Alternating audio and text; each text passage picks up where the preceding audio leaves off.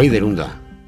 Hunda, Hunda grande. Ya me vas a permitir que te cambie el segundo apellido con esta especie de humor grandes porque sinceramente, vamos a ver, es que el currículum no deja lugar a duda. Sí. He perdido la cuenta en la relación de premios, títulos y demás. En lo que es lucha libre, creo que no te hace sombra nadie, nadie, por lo menos en el Estado español.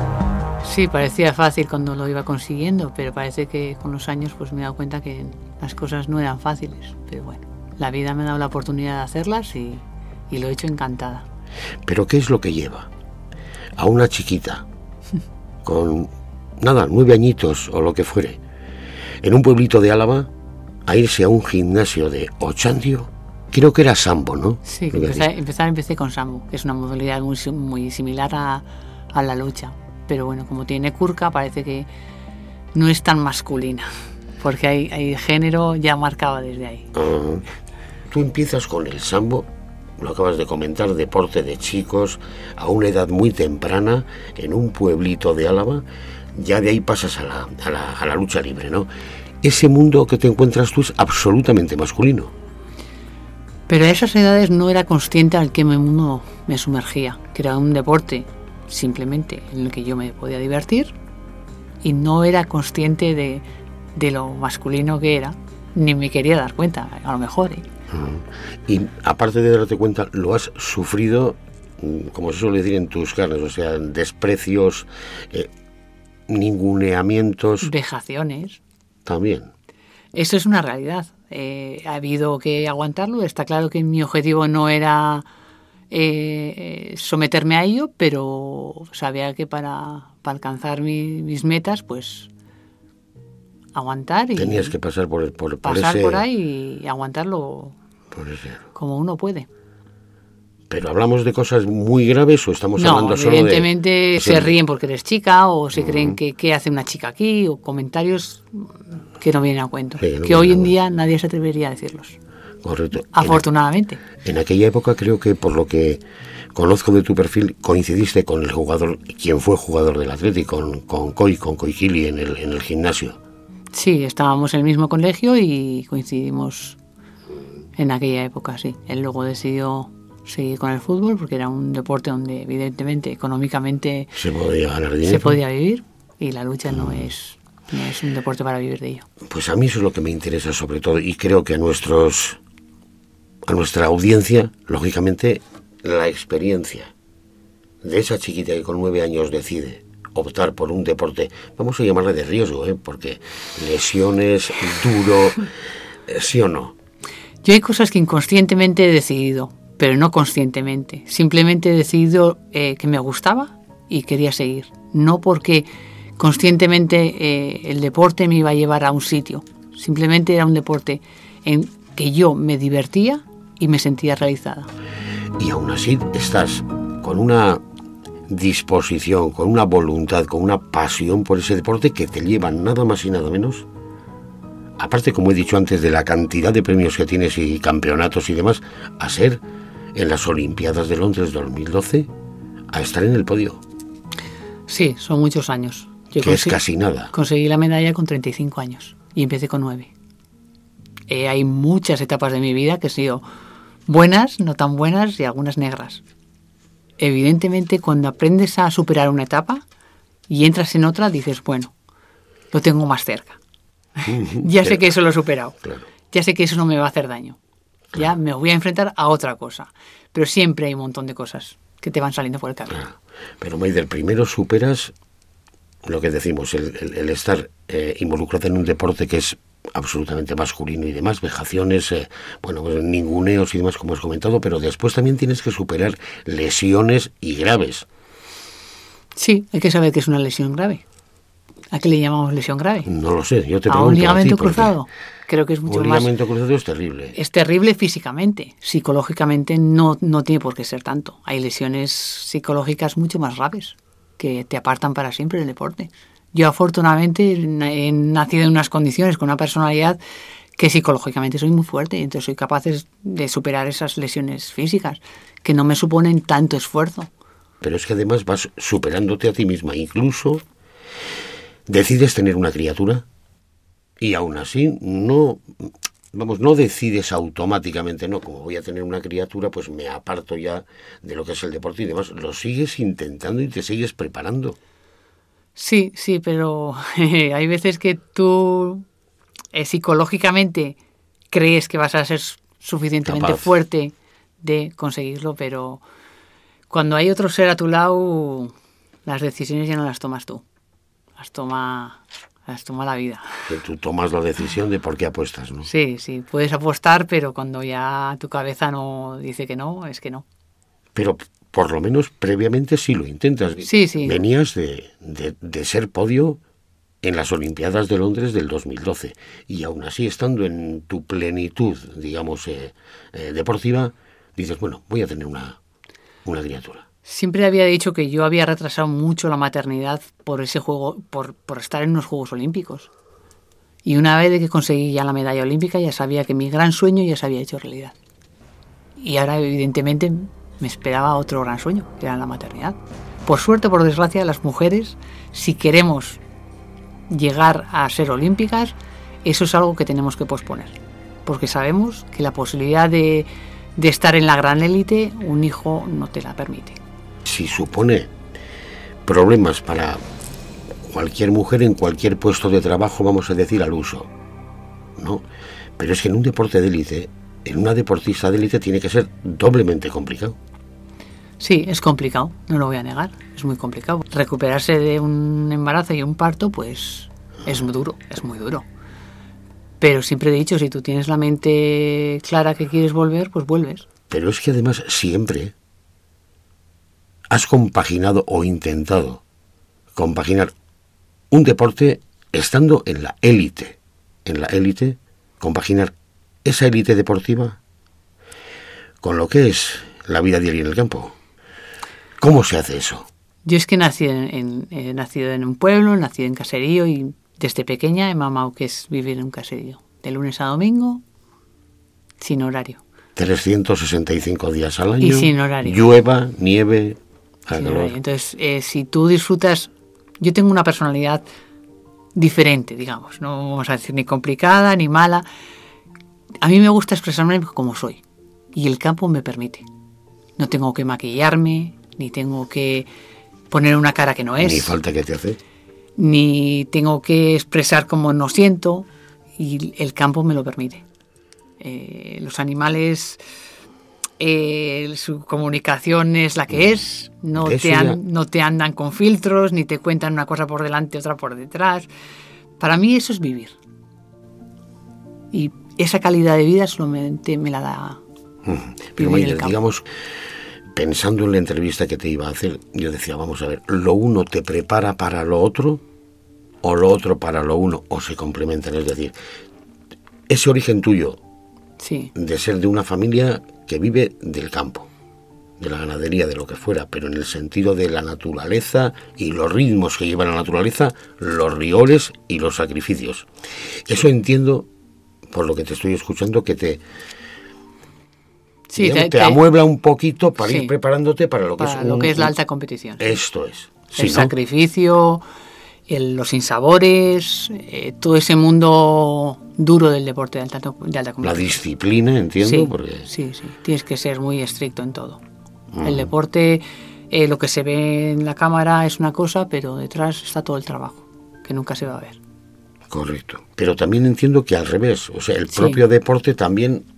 Me enseña muchísimo me ha enseñado sobre todo a conocer a personas. Y te da unos valores. Yo te he escuchado alguna vez decir que todo el mundo debiera por lo menos tener unas nociones mínimas o una experiencia mínima en el mundo del deporte y demás para aprender valores tan simples como pueden ser el valorar al rival, el respetar al rival. Sí, creo que además el deporte de la lucha en eso tiene peculiaridades, ¿no? Tú antes de empezar una competición tienes que darle la mano y admitir unas reglas que es lo que deberíamos hacer todo el mundo, admitir unas reglas de juego. Y a partir de ahí es cuando empezamos la competición.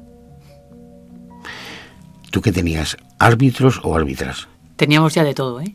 Ah. Afortunadamente yo ya llegué a una época en la que empezaban ya las árbitras, no había muchas, pero ahora cada vez más. Ya que lo ah. mencionas, no me queda más remedio, me dices. A ver, en los últimos tiempos, evidentemente, se supone que lo lógico sería que la evolución en ese camino hacia la igualdad eh, o, o hacia la inexistencia de diferencias sangrantes entre hombres y mujeres tendríamos Económica sobre todo, ¿no? tendríamos que haber avanzado pero por lo que por lo que sé y por lo que creo que me vas a comentar de eso nada no Bueno, hemos evolucionado, eso no se puede negar, pero las jerarquías están ahí. Y hay jerarquías donde es complicadísimo meterse, complicadísimo. La más dura de ellas es el fútbol, sí sí sí sí donde ahí hay un, uf, un patriarcado donde brutal sí brutal y sobre todo, pues eso, el machismo está incrustado hasta, hasta el suelo. Que fíjate, en tu caso, en tu caso, podio en las Olimpiadas de Londres. En el caso más reciente que tenemos todos en mente ahora, pues el caso Rubiales y demás, unas campeonas del mundo y prácticamente se soslaya ese tema. Está claro que en, ese juego yo creo que ellas han, han sido listas o han estado bien asesoradas y han tenido que estar callando y han tenido que esperar a que la sociedad sea la que haga el trabajo. Eso ya es triste, ¿eh? Donde ellas han tenido que tragar, tragar y tragar hasta que todo esto ha sido visible. Es, eso es bochornoso. Y a mí lo que más bochorno me causa todavía es la foto de que no voy a dimitir. ¿Quién tiene las narices de aplaudir eso? Esa foto de todos aplaudiendo a mí me parecía bochornosa. ¿Cómo podemos proyectar esa imagen? en el siglo XXI, donde tenemos unas campeonas del mundo. Por favor, por favor. Y aparte yo creo que también la justificación, no sé qué te parece a ti, de quienes aplaudían, es que, bueno, yo como era el jefe, pues tengo, hay que, en fin, ese miedo Ya. escénico, pues si un, si un Miedo. competidor o una un competidora, hombre. ¿O co- qué eres? un competidor o una competidora de élite, si tiene miedo escénico, si Maide Lunda tiene miedo escénico al salir, pues bueno, a combatir co- o a luchar No. eh, eh, con una rusa, con quien fuera, por muy campeona que sea, pues apague y vámonos. Es complicado entender qué puede haber en esas mentes. Yo es que no, no, no encuentro justificación, entonces no puedo explicarlo, qué puede pasar.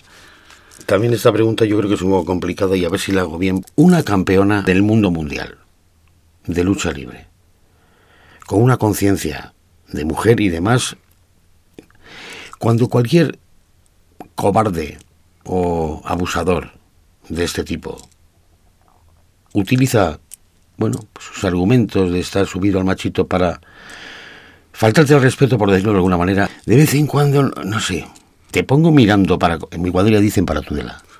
Sí, se dice, pero lo mejor es eh, callarse y salir. Yo es que por eso dejé de salir de noche. ¿Cómo, cómo repite? Dime, dime. A ver eso.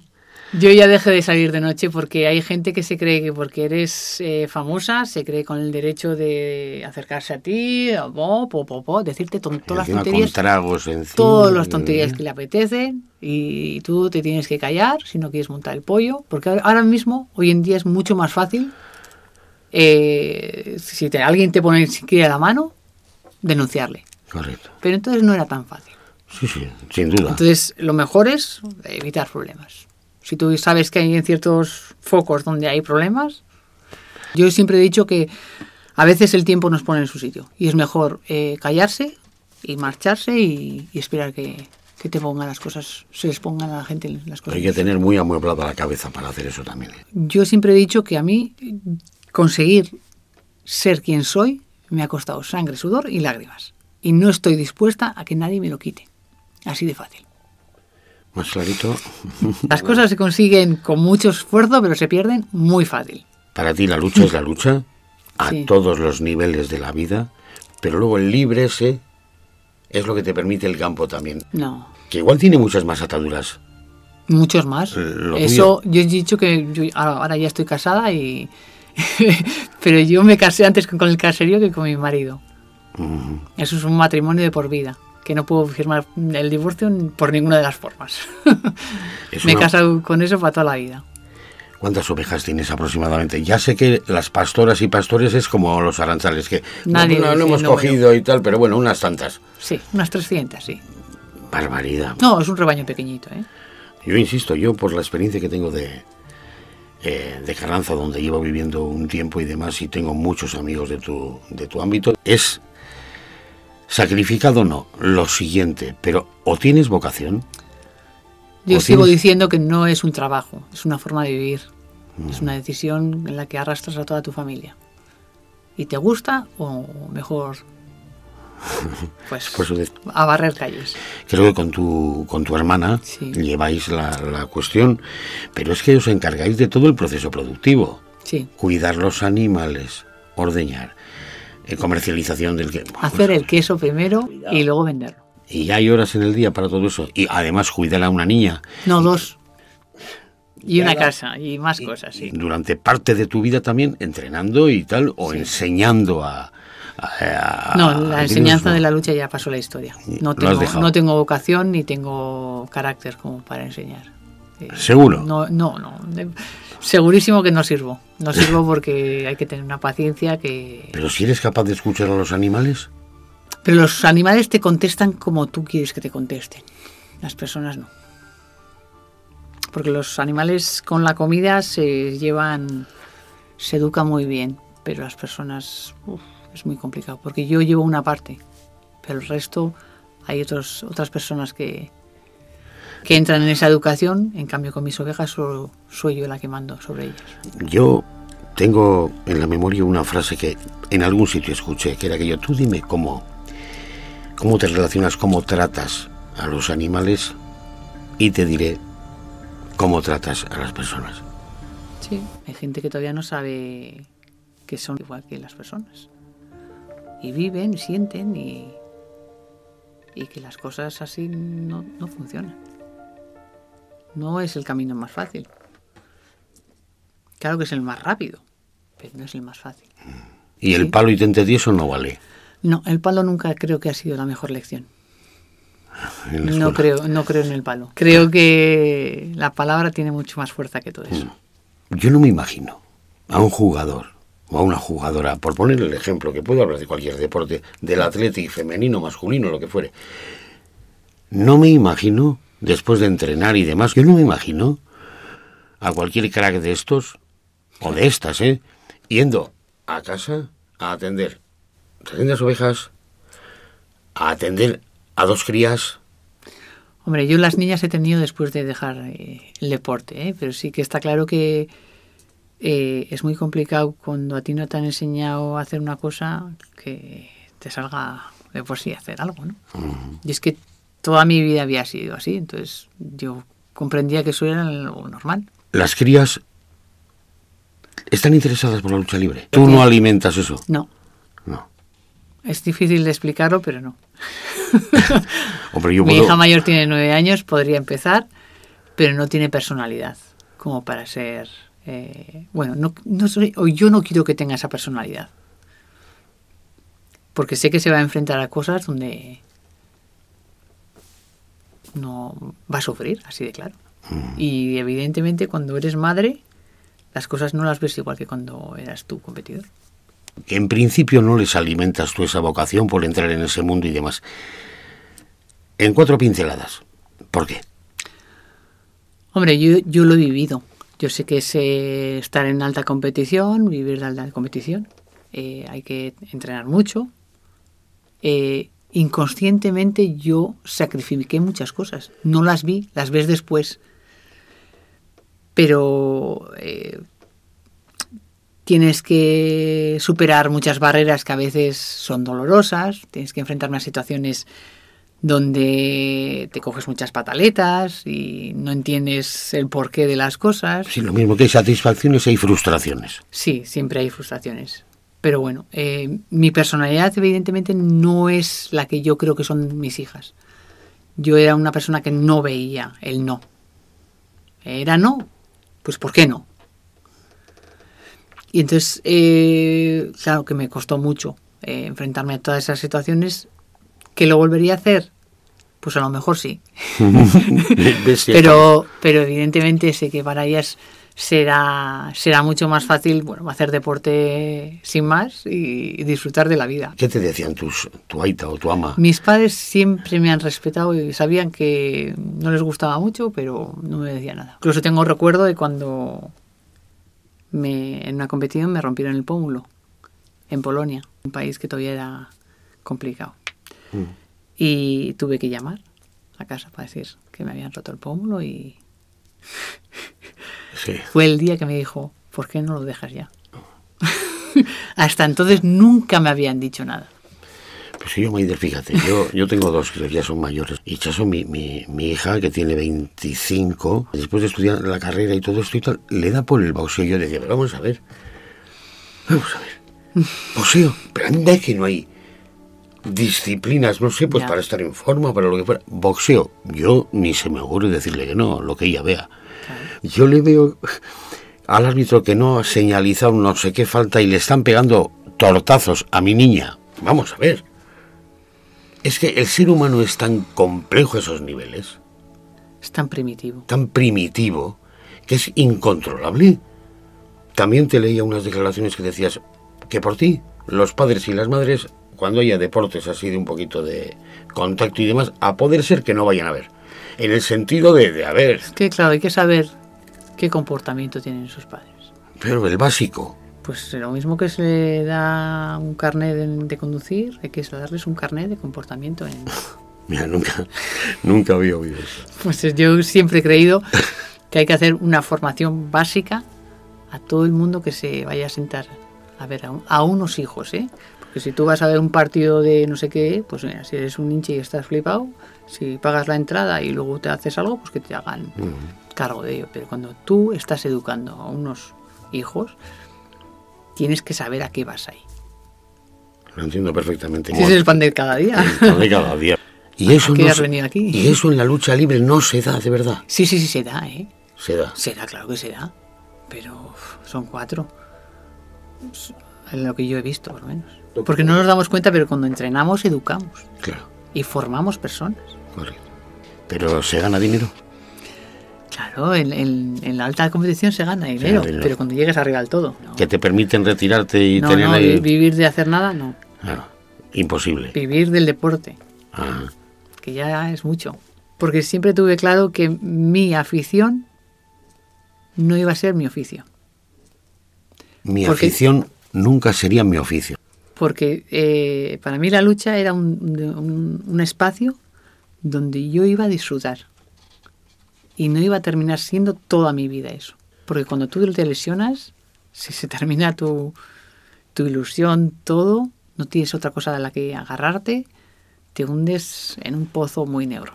Pero me imagino que te refieres también lesiones, dolores, tratamientos, estar lejos de tu familia, tener que viajar a no sé dónde.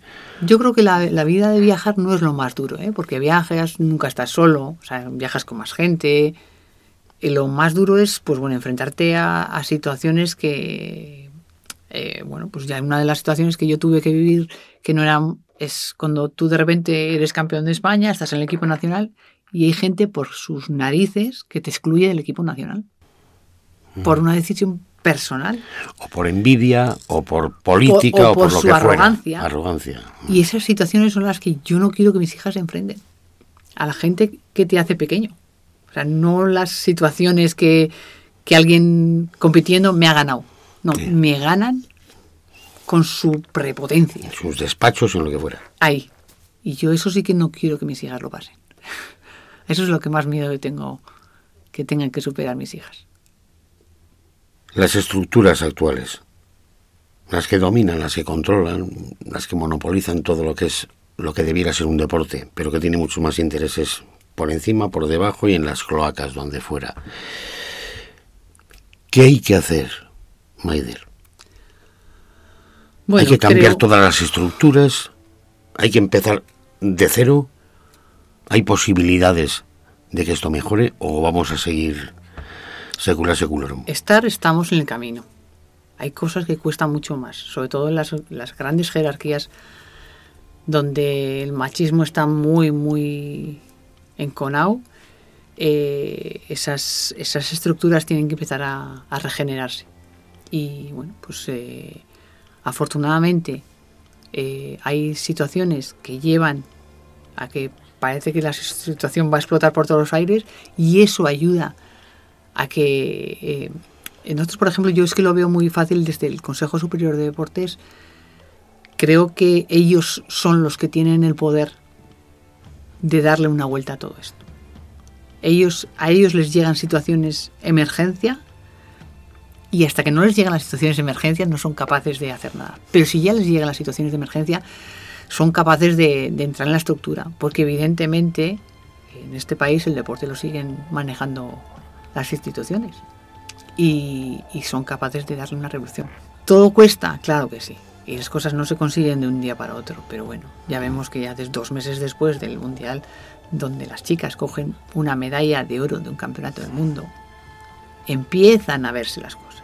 Cuando llevan muchísimos años trabajando pero da, da la sensación, Maider, no sé qué te parece a ti, da la sensación de que lo que ha pasado en concreto con la cuestión de las chicas de, la selección eh, que ganó el Mundial, da la sensación de que esto se ha movido porque ahora como hay cámaras en cualquier sitio, si esto, si no, hubiera, si no se hubiera si no se hubiera visto a Rubiles hacer aquella pantochada y a salvar, pues seguramente hubiera seguido todo como está.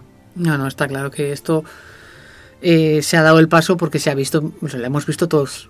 O sea, más claro no se podía ver. Entonces, eh, a, eso no se puede cerrar los ojos. O sea, es que incluso lo que siempre digo es que nos tienen que venir de fuera a abrir los ojos. Es que hasta la FIFA no ha dicho que esto se ha acabado, no se han tomado decisiones. Está claro que todas estas decisiones cuestan, cuestan y hay que hacer muchos cambios, pero bueno, vamos a pensar que estamos todavía a tiempo, la esperanza. Estamos a tiempo, sí. Lo último que se pierde, ¿no? Sí, sí, hay que tener, hay que creer en lo que hacemos y que estamos haciendo las cosas bien. Y el que no las hace bien, tarde o temprano, lo demuestra. Si me permites, y ya para despedirte, agradeciéndote la atención que nos has prestado, también te diría, por jugar con las palabras, pero con todo el corazón, que eres una Maider de todas las batallas. Porque anda que no has estado en batallas. No, pero hay muchas batallas todavía a las que no me voy a meter. Y seguiremos. y no me voy a meter. Baider, eskerrik asko, un honor y un orgullo. Eskerrik asko. Estoy aquí, presentado por Julio Ibarra, dirigido por Maite Ibáñez y Eva Mateo, producido por Miren Esparza, editado por Asier Elguezua, una producción de New Digital Media Euskadi para ITV Podcast.